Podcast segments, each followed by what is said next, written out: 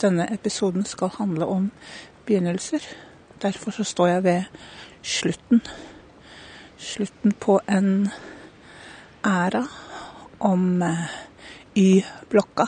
Ja, du vet den blokka på dette regjeringsbygget som skal rives til tross for eh, mange protester. Eh, jeg er her og tar, tar, er her og tar bilder av verket til Picasso, f.eks. Og verket er en båt med fiskere og fiskegarn og fisker og en sol. Tja, det regner, så jeg drar tilbake til leiligheten.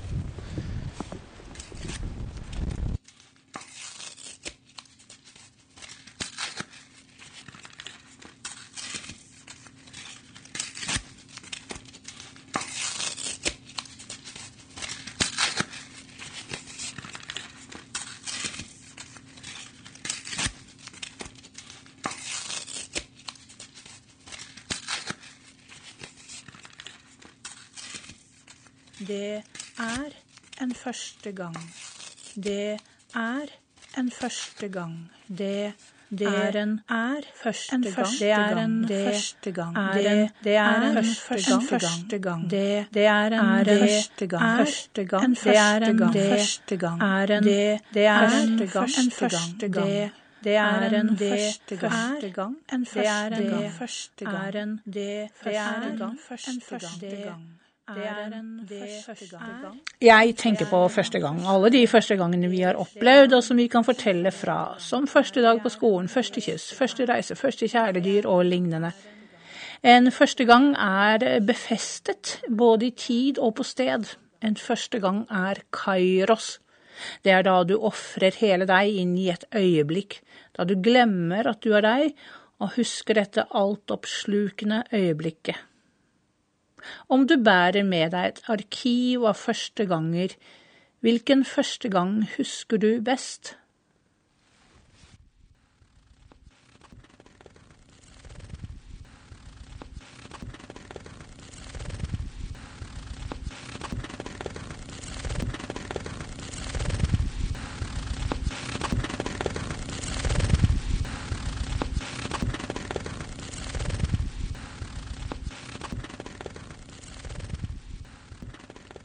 Det var den aller første gangen jeg fortalte en fortelling offentlig. Rommet var mørkt, lyssatt av noen sterke lyskastere som skinte som soler på en klar dag. Ja, jeg sier soler, ikke én sol. De skinte rett på meg, så alt jeg så framfor meg, var et mørke. I mørket så jeg konturer av skikkelser. I mørket så jeg konturer av skikkelser. I mørket så jeg konturer av skikkelser. Hør, hør på meg. Hør, hør på meg, på meg. Hør, hør på meg, meg. Hør, hør på meg. Hør, hør på meg. Hør, hør på meg. På meg. Hør, hør på meg. Meg. Hør, hør på meg. Hør på meg. Hør, hør. Det er slik det begynner. Hør på meg, alle sammen. Dere som er store, og dere som er mindre. Dere som er barn av Heimdal. Jeg skal fortelle det jeg husker slik det begynte, det jeg husker, de første hendelser blant guder og mennesker. Dette er det en gammel kvinne som sitter og sier, ingen kjenner hennes navn. Jeg tror hun sitter på en jordhaug og forteller guden Odin om det som har skjedd, for at han skal forstå framtiden. Hun sier, Hør på meg. Hører du? Papir.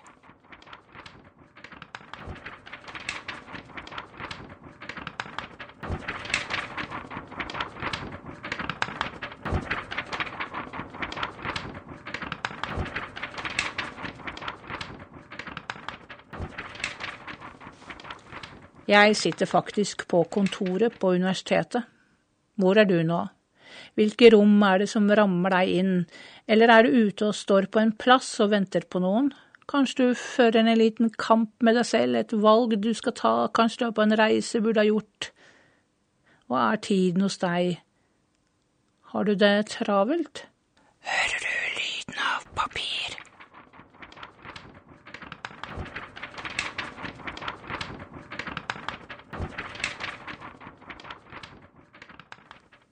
Hør på meg. Det er det den gamle kvinnen sier der hun sitter og forteller.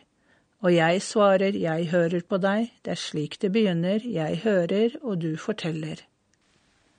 Det er slik det begynner, jeg skal fortelle det jeg husker, slik det begynte, det jeg husker, de første hendelser blant guder og mennesker.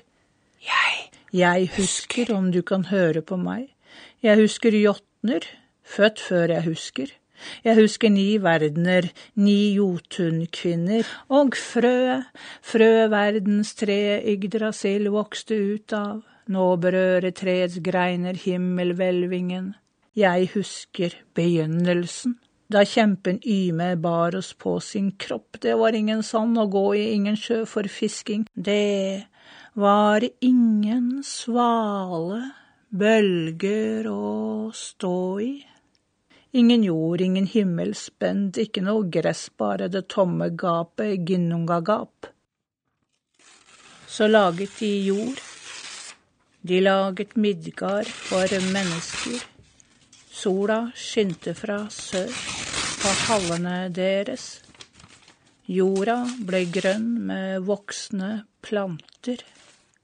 Hør på meg, det er slik det begynner. Sola og vennen månen skinte fra sør, de himmelske hester dro dem øst. Sol kjente ikke hvor hun skulle hvile om kvelden, stjerner visste ikke hvor de skulle stå, månen kjente ikke hvilken makt han hadde. Gudene gikk til sine plasser og bestemte det, det gjorde de. De ga navn. De ga rett og slett navn til natten, timene, morgen, middag, ettermiddag og kveld. Ettermiddag og kveld. Så kunne de kjenne tiden og vite når du kan begynne og når du kan slutte. Vi kjenner tiden nå. Og det er en tid for å huske. Tid, tid, tid, tid, tid, tid, tid, tid, tid, tid, tid, tid, tid, tid, tid, tid, tid, tid, tid, tid, tid, tid, Dette er ordene til en eldre kvinne som har fått ordre av guden Odin til å fortelle, eller uttale seg. Hun forteller historien for å ruste og forstå framtida. Vi vet ikke mer om dette enn det. Senere blir verket hun forteller kalt Vollus på. Det er alt vi vet. Dette skal handle om begynnelser og førsteganger, for en begynnelse er jo en første gang. Det er ikke alltid jeg husker en begynnelse. Det er for eksempel mange vennskap jeg ikke vet hvordan begynte, det utviklet seg fra et sånt diffust møte inn i noe varig. Samtidig, flere av de vennskapene som er over, som jeg ikke vet hvordan endte, de var bare en prosess vekk fra noe som var, de vet jeg hvordan begynte. Tid, Men hvordan endte de? Tid, tid, tid De ble på en måte ofret i tiden som sorterte vekk de minnene jeg ikke trengte videre. Hva tenker du om dette? For eksempel, har du sett et menneske og kommet på at dette mennesket en gang var en venn? Tid, tid, tid, tid, tid, tid, tid, tid, tid.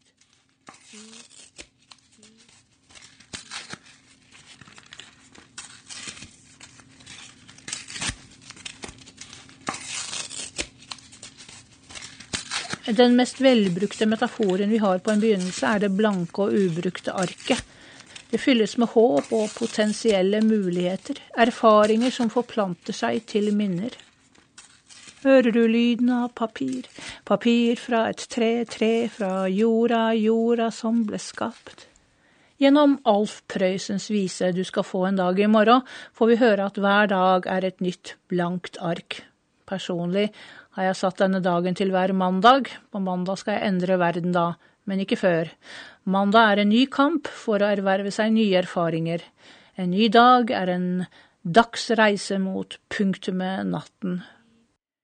Begynnelsen i begynnelsen i begynnelsen Begynnelsen, begynnelsen, i, i, begynnelsen, begynnelsen, hør, begynnelsen, i, begynnelsen, hør, begynnelsen, i, begynnelsen. I. Begynnelsen var det som var hva det ikke var. Du vet ikke hva det er, for hva det var visste ingen. Alt var til stor forvirring. Ingen kjente til jord eller sjø eller en dekkende himmel. Det fantes ikke jord med fast substans, det fantes ikke flytende sjø, det fantes ikke gjennomsiktig luft, ingenting fløt eller hang, men alt var flytende, ingen sol skinte. Heller ingen måne speilet seg i dens glans.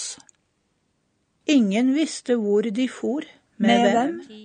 Tid fantes ikke, så tiden sto ikke stille, men den gikk heller ikke. Tiden slukte ikke, sådde ikke. Den hadde ennå ikke iført seg årstidene. Det var ingenting å gi og ingenting å tape. I dette fantes det bare én som kunne herske.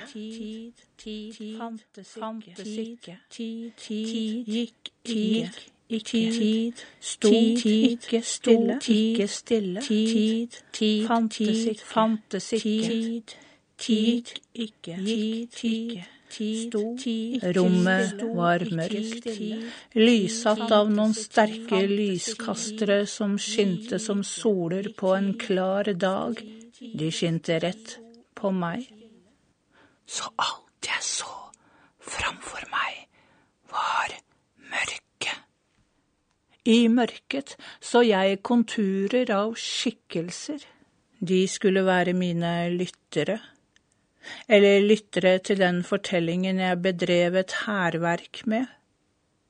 Jeg satt på en stol i dette mørke rommet og skulle fortelle en gresk myte. Jeg var fanget av rommet, av fortellingene, men først og fremst av meg selv. Jeg var fanget av min første gang, slik det er for fisken i et nett. Men fisken har få håp om at dette skal skje igjen, at den skal fanges igjen. For meg var det en fare for at dette kom jeg til å gjøre igjen. I dette fantes det bare én som kunne herske. Med tiden skulle jeg lære meg å gripe øyeblikket, men, men bare, bare, ikke nå. nå.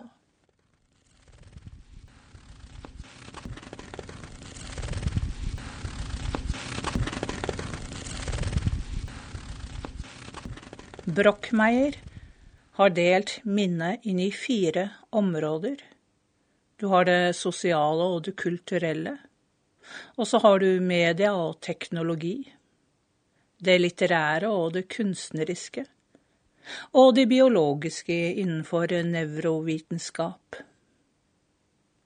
Arkiv har gjerne vært en metafor for minnet. Ordet arkiv kommer av det greske arket, som betyr stedet det begynner. Dermed har dette utledet at minnet, også det autobiografiske, har noe med opprinnelse å gjøre og dermed menneskets begynnelse, min begynnelse, eller min første gang. Det er umulig å definere minnet som en bestemt ting. Minnet er mye, likevel spesifikt, mangfoldig, likevel individuelt. Studier av minner deles ofte inn i det binære, individet, individet mot, mot gruppen, det private, det private mot det offentlige det personlige, mot det kollektive. Det enkle, mot det mye. Det spesifikke mot det generelle. Sted er ofte knyttet til å forstå minnet, spesielt om du skal lære deg å huske noe. Likevel er tid viktig. Tid. Har en referanse i individets livsløp. Vi objektiviserer og stabiliserer tiden slik at den framstår som en kausalitet. Tiden er sentral for å forstå menneskets erfaringer som en prosess som stadig er i en flytende endring av kulturelle og sosiale praksiser. Tid, tid, tid, tid, tid, tid. I mørket så jeg konturer av skikkelser. Begynnelsen, hør, begynnelsen, i, begynnelsen, hør, i, begynnelsen, begynnelsen, i, begynnelsen, begynnelsen, i Jeg er på kontoret, og akkurat nå forteller jeg deg en gresk myte om hvordan det var i begynnelsen. Begynnelsen, begynnelsen, begynnelsen. I dette fantes det bare én som kunne herske. Ja, jeg er tilbake til begynnelsen. Den greske begynnelsen. Bare én som kunne herske. Kaos. Men for kaos var det likegyldig. Herskeren Kaos kunne ikke beskrives, det fantes ikke lys å se han i, han delte trone med sin kone natten. Hennes kappe var sort, og enda sortere var hennes omriss, hun var ikke omgitt av et guddommelig lys som lyste opp i det formløse rommet. Kaos og natt hadde én sønn, Mørke. Mørke styrtet sin far Kaos ned fra tronen, så mørket hersket over Kaos. Mørket tok sin mor Natt som hustru, og med mørket fødte Natt, Dag og søsteren Lys. Dag og Lys overtok makten fra sine foreldre Natt og Mørke. Først da åpenbarte rommet seg.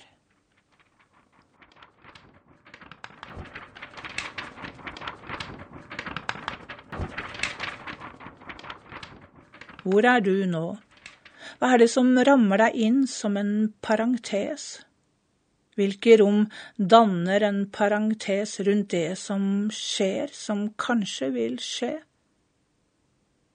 Dag og lys fikk barnet Eros, og ved hjelp av Eros kraft skapte de sjøen og Gaia, jorda, den bredbrystede jorda. Eros handlet i sin natur, han stakk sine livgivende piler i det kalde kjødet til Gaia, den brune overflaten ble dekket med frodig fruktbarhet. Vakre fugler i alle slags farger fløy gjennom den grønne, friske, spirende, nyfødte skogen. Dyr av alle slag beitet i det grønne gresset. Kvikke, hoppende fisker svømte gjennom de sterke strømmene. Gjennom de sterke strømmene. Alt var liv, glede og bevegelse. Og Gaia fødte himmelen Uranos. Uranos, som også ble hennes mann. Uranos var full av begjær, han la seg rundt Gaia og knuget på henne, så stort var hans begjær at de fikk noen barn. Først fikk de tolv titaner, seks sønner og seks døtre. Så fikk de tre kykloper, enøyde kjemper. Så tre uhyrer med hundre hender. Uranos var redd for at hans barn skulle ta makten fra ham, så han knuget seg enda hardere fast i Gaia, og barna slapp ikke fri, de ble stengt inni sin mors mage, jordas indre hule, der vokste de opp i mørket. Kyklopene kunne sitt håndverk, de smidde en sigd, den yngste av titanene, den modigste, Kronos tok sigden og gikk til sin mors kjød. Her skar han av penisen til sin far, Uranus. Uranus trakk seg tilbake i smerte. Han slapp taket på jorda, reiste langt vekk fra henne og ville aldri nå henne igjen. Kronos tok makten fra sin far, Uranos. Uranos kastet en forbannelse på Kronos om at en dag ville han lide samme skjebne som sin far. En dag ville et av hans barn ta fra ham makten. I mørket så jeg konturer av skikkelser. I den greske myten ble titanene de nye herskerne, med Kronos i spissen. Titaner er som jotnene i norrøn mytologi. De kommer fra ideen om at det en gang vandret kjemper på jorda. Kronos tok sin søster Rea til hustru. Da Rea ble med barn, husket Kronos forbannelsen, og han ble redd. Så fort Rea fødte sitt første barn, Hestia, kom Kronos til henne. Han strakte fram sine hender, og Rea la med glede sitt barn i dets fars armer. Men stor ble, forskrekkelsen og forferdelsen da hun fikk se at Kronos åpnet og slukte barnet levende. Dette var hun ikke forberedt på. Hun visste ikke helt hvordan hun skulle reagere. Kronos, som livgiver og ødelegger, ble tiden tid, kronologi. Tid, Den objektive tid, tiden som bare går, han som sluker og spytter ut igjen, han som ofrer, og som vi må ofre til. Den vi kjemper med og mot på en reise som har en uklar slutt. Tid, tid, tid, tid. Kronos slukte sitt første barn, Hestia, helt rå og uten smakstilsetning slukte henne som hun var. Slik gikk det med alle hans barn, bortsett fra den siste, Sefs, guden Sefs, eller han som skulle bli guden Sefs. Han lurte sin far til å spytte dem ut igjen, de andre som også skulle bli guder. Og med Sefs i spissen ble det en kamp som Sefs vant, og han overtok makten og med det var tiden skapt. Men ikke bare det, tiden var underlagt oss mennesker. Tiden noe vi kunne måle reisen med. Oss mennesker. Noe vi kunne måle reisen med.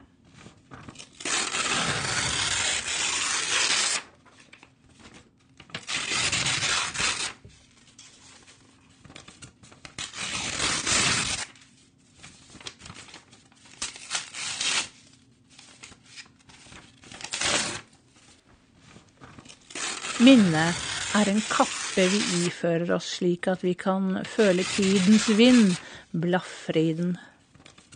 Hvilken første gang husker du best?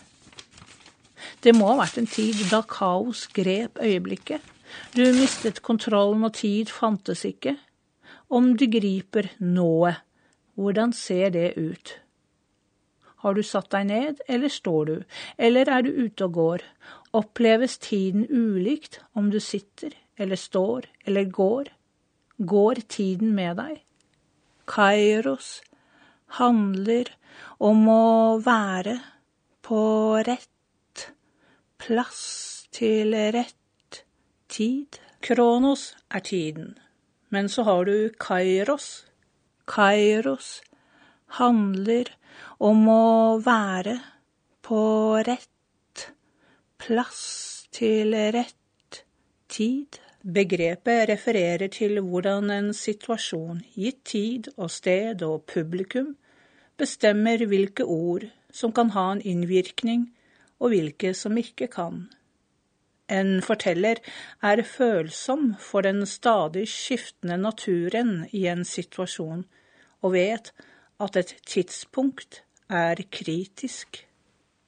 I mørket så jeg konturer av skikkelser. Tradisjonelt tolkes Kairos som en flytende mulighet. Denne tolkningen impliserer at handlingsmulighetene er midlertidige. Kairos er rammet inn av begrensninger som former et endelig øyeblikk. I gresk mytologi er Kairos Sefs yngste sønn, guden Sefs yngste sønn. Han er avbildet som en flyktig, ungdommelig mann med en hårlokk som henger fra panna. Han har vinger på skuldrene og hælene, og det ser ut som om kroppen hans er i konstant bevegelse. Hans armer er vanligvis strukket ut foran ham mens han balanserer et par vekter. Skildringen illustrerer hans flyktende natur. Kairos må gripes før det er forbi og over. Kairos kontrasterer Kronos, som er kronologisk tid, eller lineær tid, og er definert av dens mengde i stedet for dens kvalitet. Kronos står for det varige og periodiske, mens Kairos er muligheten, tilfellet, øyeblikket. Professor Aslag Nyrnes hevder at Kairos og Kronos er avhengig av hverandre. Kairos og Kronos er relasjonelle størrelser som alltid må tenkes i forhold til hverandre. De finnes samtidig. Kronos er en del av Kairos.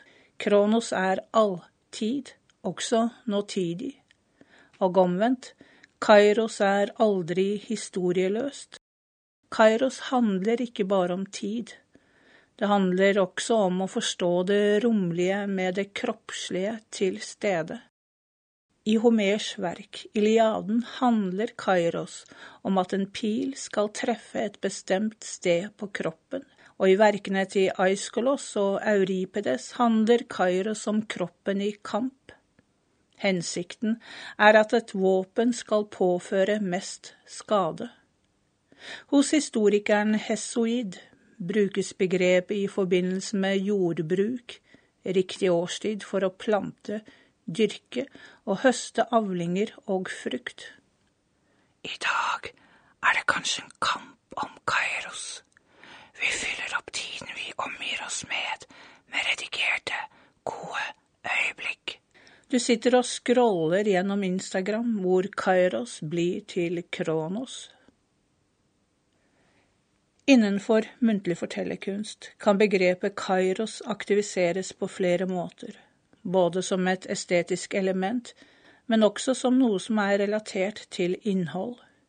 Jeg tenker på første gang, alle de første gangene vi har opplevd, og som vi kan fortelle fra, som første dag på skolen, første kyss, første reise, første kjæledyr og lignende. En første gang er befestet både i tid og på sted. En første gang er kairos. Det er da du ofrer hele deg inn i et øyeblikk, da du glemmer at du er deg, og husker dette altoppslukende øyeblikket. Hvilken første gang husker du best?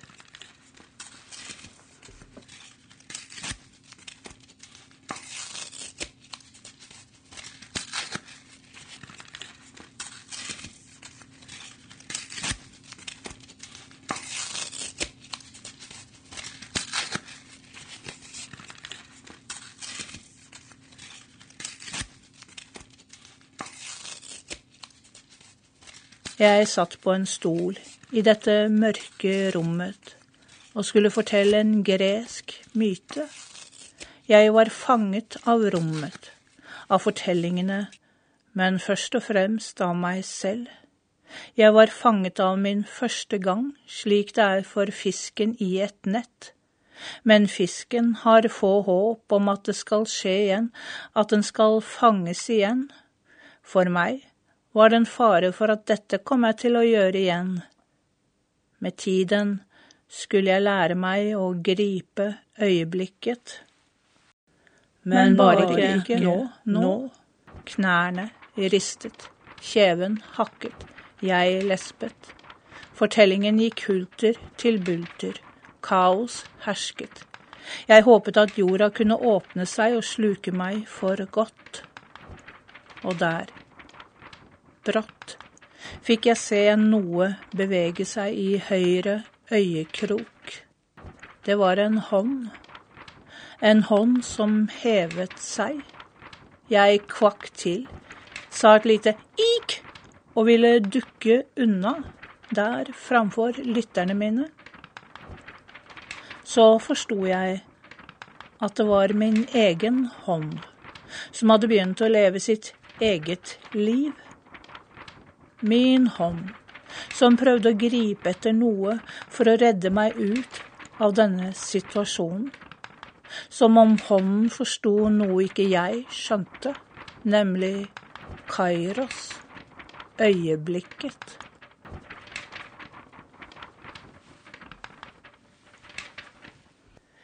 I begynnelsen, begynnelsen, før en tanke om en begynnelse, før bevisstheten slo rot i en tanke om en begynnelse, så var det ingenting. Men det var da tross alt noe. Dette noe var som en vind uten kraft, som en bølge uten hav, som en død uten sjel, som et liv uten pust. Noe beveget seg, en bevegelse. Bevegelsen ble til en hånd, etter hånd fulgte det en arm, etter armen en kropp, en kvinnes kropp, en kvinne var født ut av det store, mørke intet, den første. Hun var den første. Hun så seg omkring i mørket, og hun hørte en lyd. Hun hørte lyden av et hjerte, hun hørte lyden av sitt eget hjerte. Hun kjente rytmen, hun ville danse. Dette er også en fortelling fra gresk mytologi. En fortelling som er en fotnote, vil si en begynnelse som ikke var verdt å legge merke til eller huske.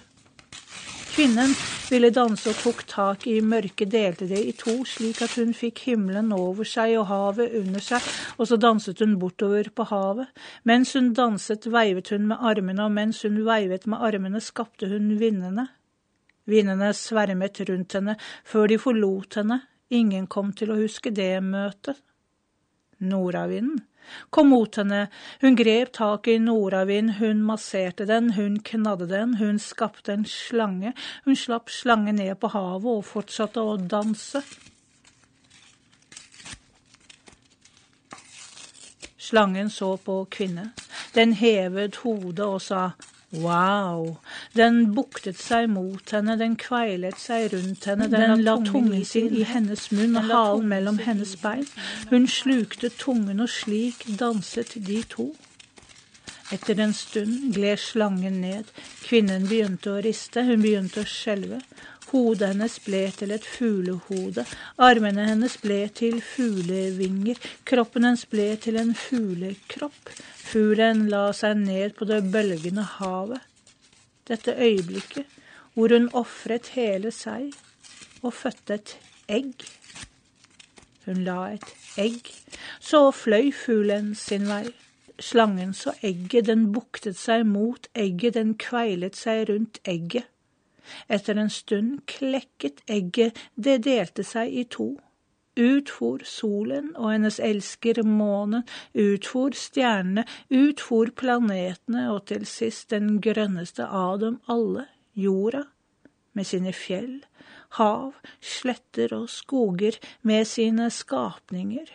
Slik var det i begynnelsen. Hører du? Hør på meg. Det er slik det begynner. Hør på meg, alle sammen. Dere som er store, og dere som er mindre. Dere som er barn av Heimdal. En første gang er Kairos. Det er da du ofrer hele deg inn i et øyeblikk. Da du glemmer at du er deg, og husker dette alt oppslukt.